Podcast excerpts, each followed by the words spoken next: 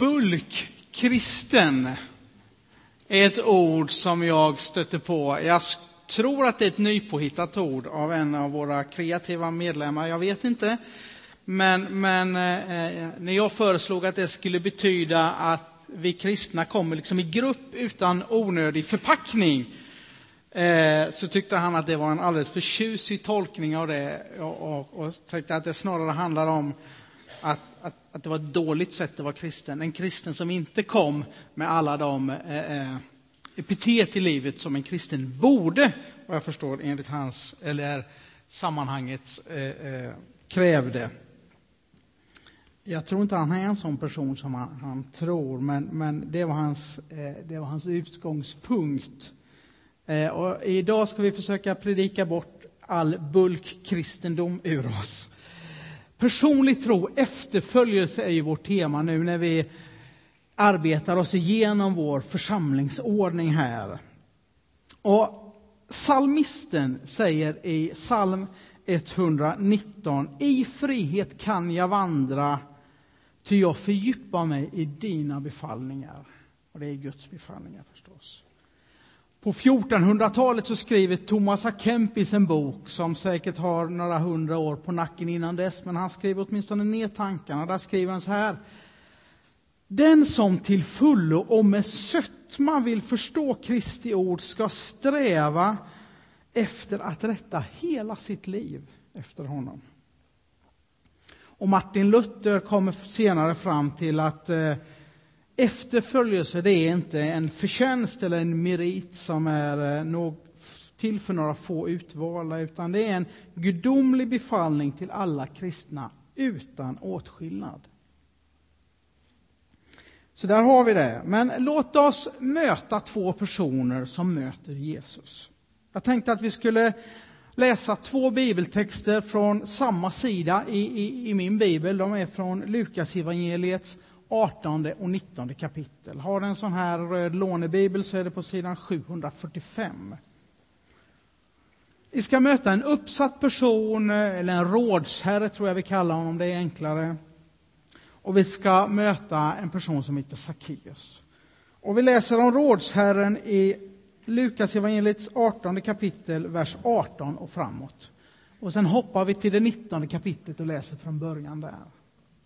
Så får vi två människors möten med Jesus.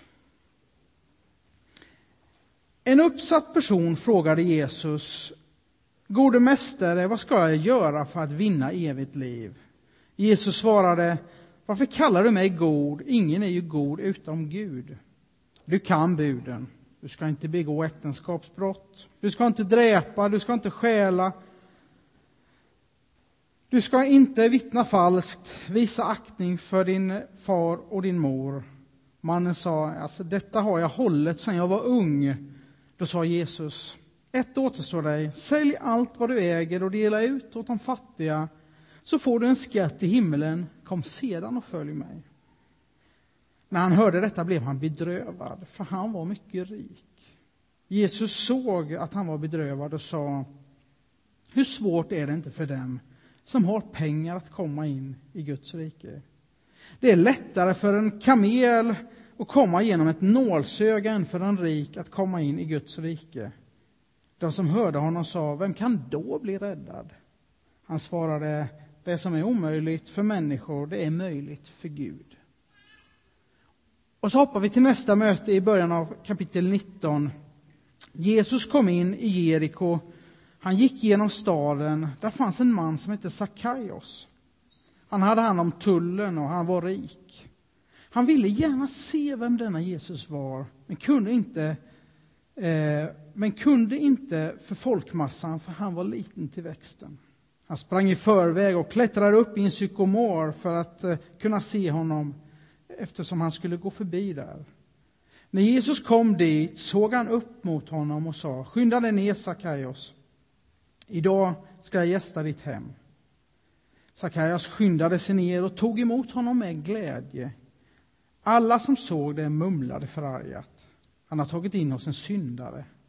Men Sackaios ställde sig upp och sa till Herren, hälften av vad jag äger, Herre, ska jag ge åt de fattiga, och har jag pressat ut pengar av någon ska jag betala igen fyrdubbelt. Jesus sa till honom, idag har räddningen nått detta hus. Han är också en son till Abraham, och Människosonen har kommit för att söka det som var förlorat och rädda det. Här har vi två möten. Två personer som i en hel del faktiskt liknar varandra. Två män som var inflytelserika. Rådsherren eh, hade någon slags bestämmande och uppsatt position i samhället. Och, och Sakaios, han var någon slags chef för tullen i Jeriko. De hade båda gott om pengar. Kanske genom eh, uppväxten, genom familjen när det gäller rådsherren, vad vet jag. Och Sakaios troligtvis mer genom sitt arbete och sitt sätt att förtjäna sin föda genom tullen. Och båda två närmar sig Jesus. Båda två är på något sätt eh, nyfikna. Ja, åtminstone verkar det vara nyfikenhet som driver Sakaios och någon slags fråga som gnager rådsherren. Men där någonstans slutar ju likheterna. Som vi, som vi såg så får de här två berättelserna och två mötena totalt olika utkomst. Slutet blir helt olika för de två männen. I Sakaios fall så konstaterar ju Jesus själv att idag har räddningen nått detta hus. Han är också en son till Abraham. Han är också ett, en av, av Guds folket. Han tillhör Guds rike. Han är med. När det gäller rådsherren så konstaterar ju snarare Jesus att det är förfärligt svårt för den som har pengar att komma in i Guds rike. Det är liksom som att pressa en kamel och vissa texter eh, har, tar faktiskt upp en elefant här, men vi håller oss väl till kamel eftersom det har blivit något slags eh, saying. Att pressa en kamel genom ett nålsöga. Så svårt är det för den mannen att komma till himlen. Och vad får det för följder av efterföljelse i de här personernas liv? Ja, i Sakaios fall så läste vi att det här förlöser ju en helt ny livsstil hos honom. Han gör en kovändning i sin livsföring och man kan ju ana en hel del glädje och stolthet i detta. Har han inte längtat efter denna förändringen i sitt eget liv? När han ställer sig upp, när han tar emot Jesus med, med glädje, han ställer sig upp och han förkunnar för dem att det här blir mitt nya liv, denna väg ska jag gå. Men rådsherren han väljer en helt annan väg. Han väjer för det som är Jesu väldigt rättframma och tydliga uppmaning. Han tar inte den utmaningen utan backar undan. Och i bedrövelse så väljer han en väg bort ifrån Jesus Kristus. Och jag funderar på varför, varför blir det så olika i de här personernas liv? Jag tänker mig att drivkraften, själva syftet med mötet, har nog en hel del med det att göra. Varför söker jag Jesus? Sakaios han verkar vara desperat nyfiken på denna person, Jesus Kristus. Han, eh, han gör det inte många vuxna eh, män gör. Han börjar klättra i träd och i hans ställning så var det nog inte någonting som skulle öka hans anseende. Och det var väl redan lågt som, som tullare, tror jag. Eh, men han måste bara se vem denna Jesus är. Han var sedd som syndare, men något desperat finns hos honom att närma sig Jesus. Medan rådsherren verkar ha en mer färdig bild av vem Jesus är. Han, tillkallar, eh, han, han tillnämner honom som mästare, alltså lärare. Eh, den som man kan diskutera och fundera tillsammans med, vända och vrida saker tillsammans med. Och så verkar han smickra honom genom att använda ordet god. det är ordet god som Jesus tar tag i. För att verkligen visa rådsherren vem han är. Han är inte den här läraren som man kan diskutera och samtala med. Nej, han är den som är god på riktigt, nämligen Gud själv.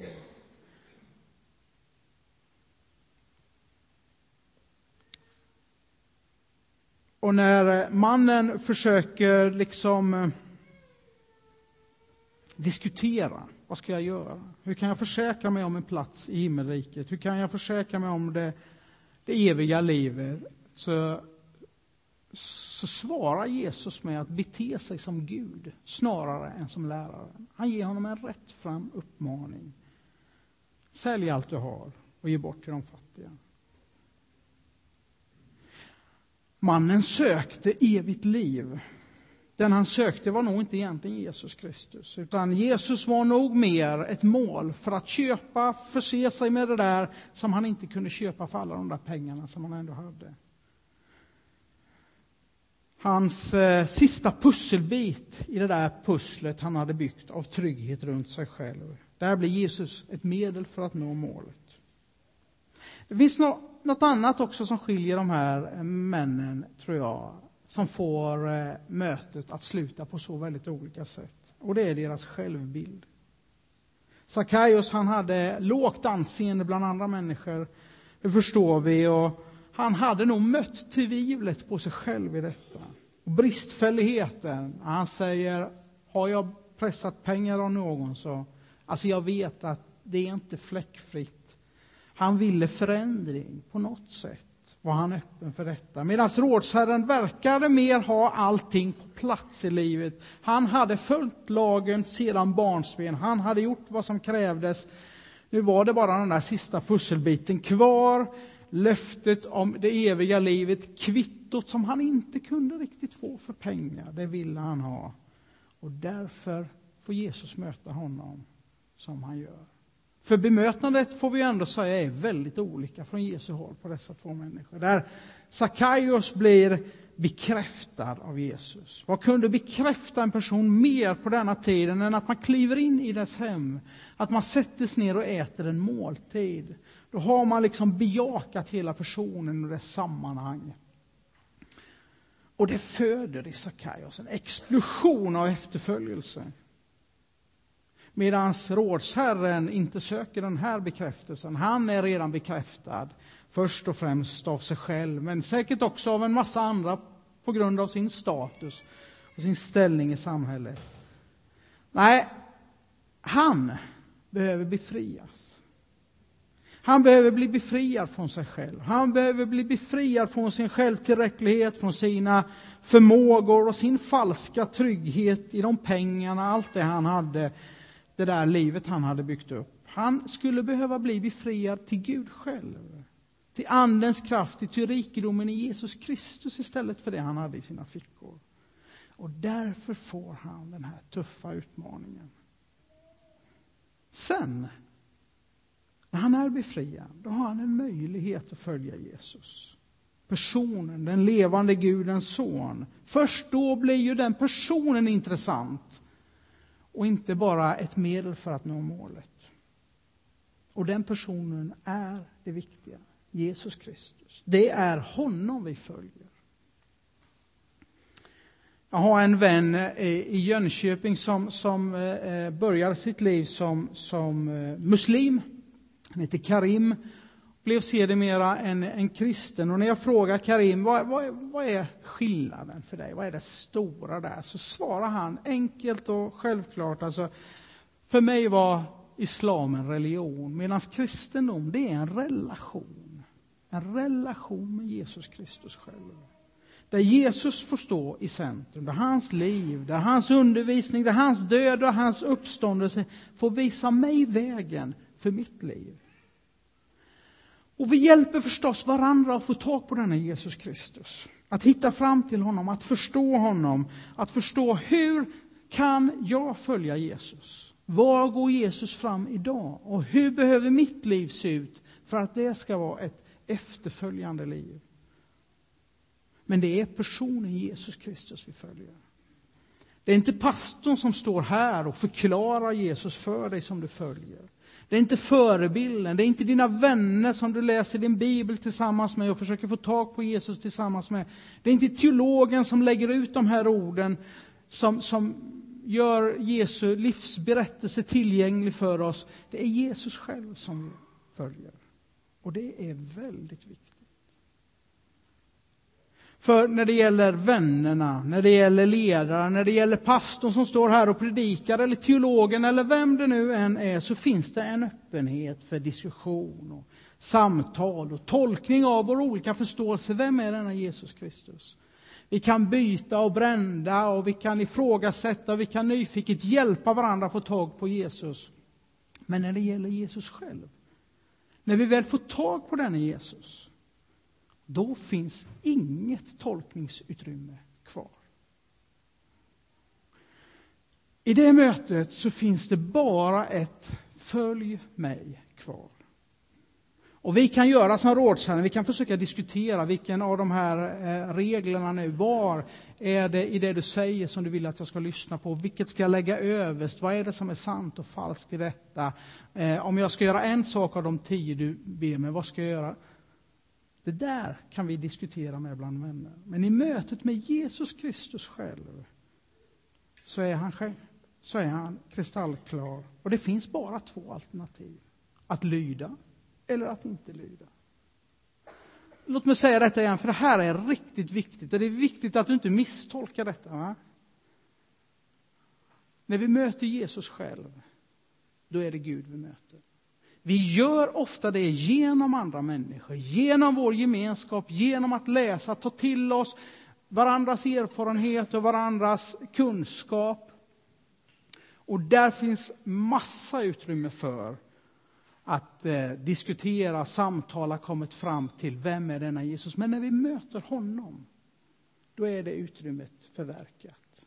Då är det bara två vägar att gå, att lyda eller inte lyda. Och människorna kring Jesus i det första fallet verkade ju nästan baxna. Så vem kan då följa honom om det är så svårt som den där kamelen genom nålsögat är det inte bättre att jag håller mig på lite avstånd? Så åtminstone det finns något slags diskussionsutrymme i mitt liv, så jag inte ställs inför det där knivskarpa valet. Det känns ju lite mer lättsamt på något sätt. Va? Men Jesus han lovar oss, precis efter den texten vi läste i kapitel 18, vers 29 och 30, så säger han så här. Sannerligen var och en som för Guds rikes skull lämnar hus eller hustru eller bröder eller föräldrar eller barn ska få mångdubbelt igen redan här i tiden, men sedan evigt liv i den kommande världen. Så det där närmandet, det är värt besväret. Så hur får vi fatt på denne Jesus då? Om det nu är honom vi vill ha fatt på. Ja, det finns i en urkristen tradition som vi kanske kan liksom hitta essensen av i Apostlagärningarnas eh, andra kapitel, den eh, 42 versen, så brukar man tala om de fyra benen. Bibeln, bönen, brödsbrytelsen och brödra, brödragemenskapen.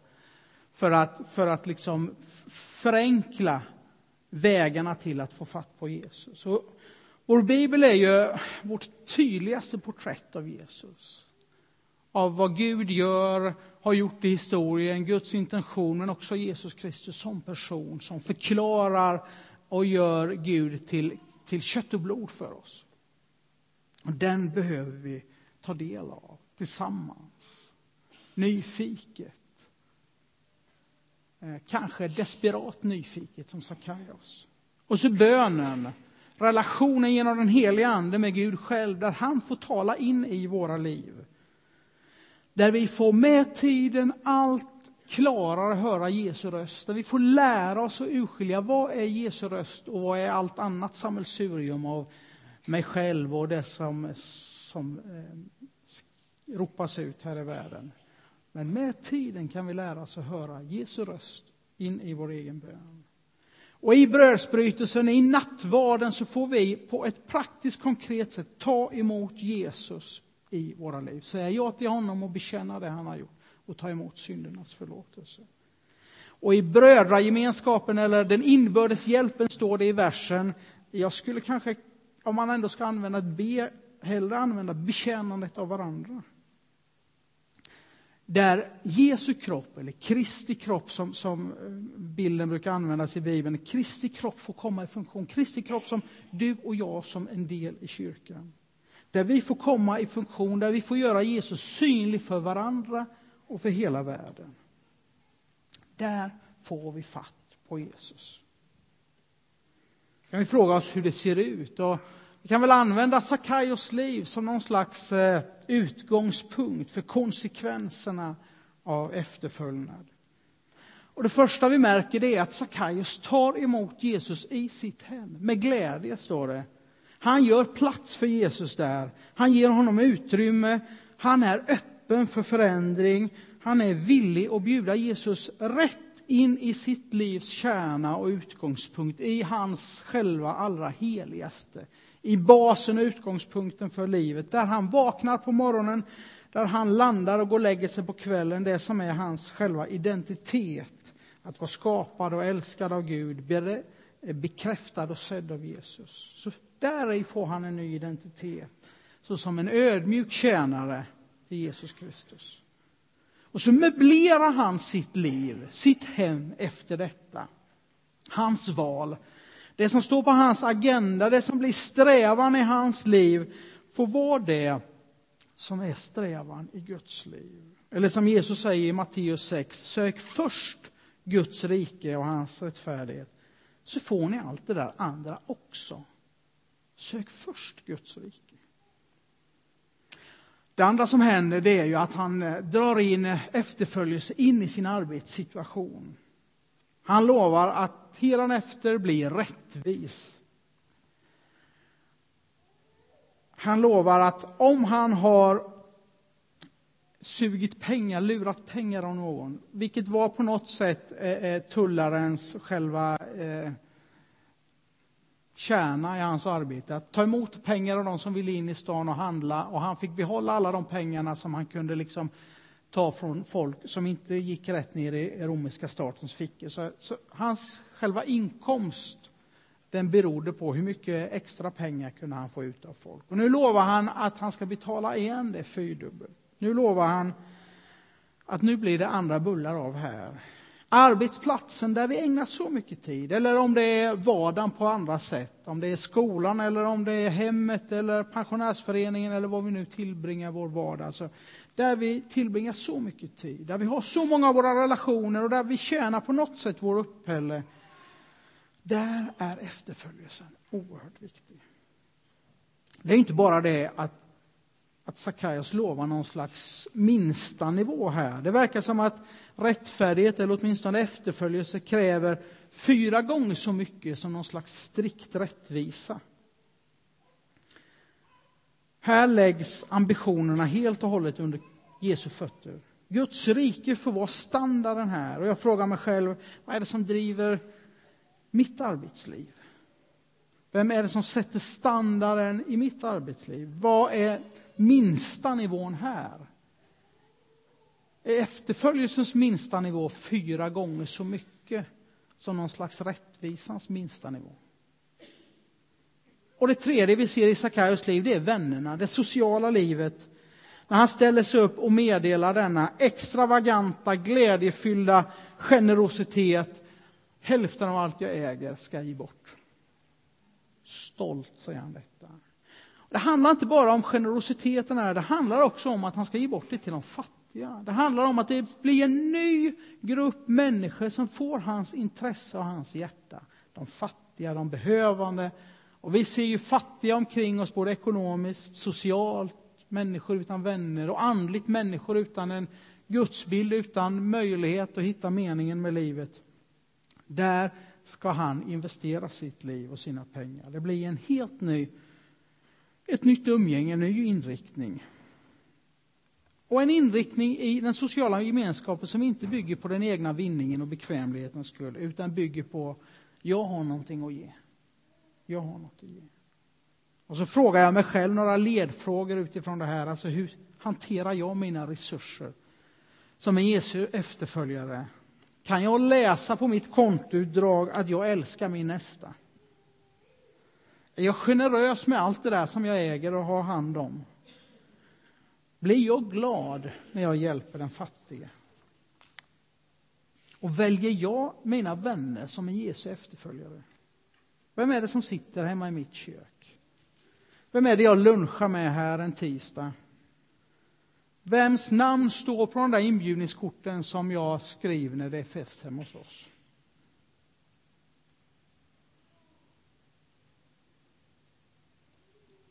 Och här tror jag att vi behöver möta nåden allihop. En av mina älsklingsteologer, han heter Dietrich Bonhoeffer, han, han var tysk, levde i eh, början av 1900-talet. Han skrev en bok som heter Efterföljelse, där han, han diskuterar nåden. Nåden i den efterföljande människans liv. Han beskriver två sorters nåd. Han beskriver å ena sidan den billiga nåden. Den där nåden som rättfärdiggör synden, men lämnar syndaren oberörd.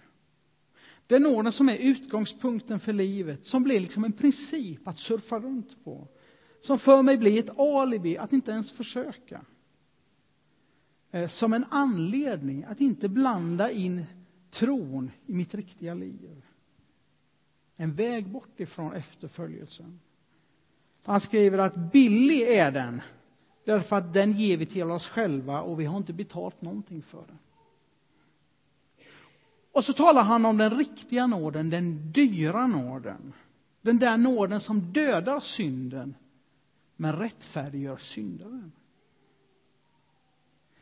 Den nåden som blir en slutstation och en landningsplats för var och en som är en efterföljare, som har kämpat den goda kampen och går efterföljelsens väg. Den nåden som är riktig på det sättet att den blir en räddning vid tillkortakommanden och misslyckanden.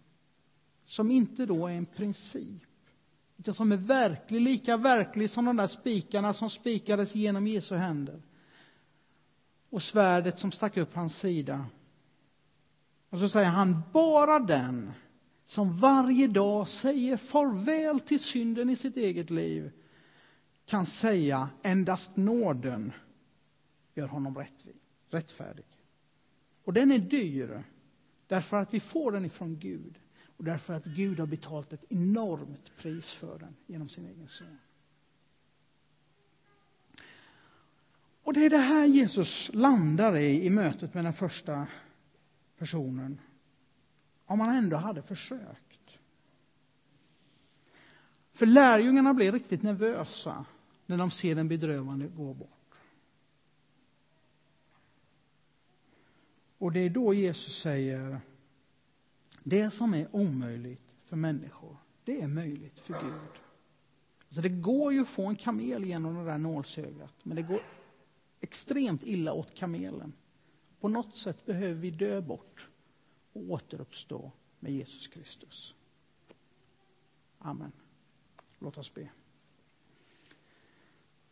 Tack Jesus att i vårt möte med dig så kallar du oss vidare. Ut på en väg som är den rätta vägen för oss, Herre. Jag ber att vi alla ska få hitta de första stegen på den vägen och hitta nästa steg på den vägen, Herre. Jag ber att vi ska vara nyfikna nog på dig, att våga släppa in dig och möblera om i våra liv så att vi kan följa efter dig. I Jesu namn. Amen.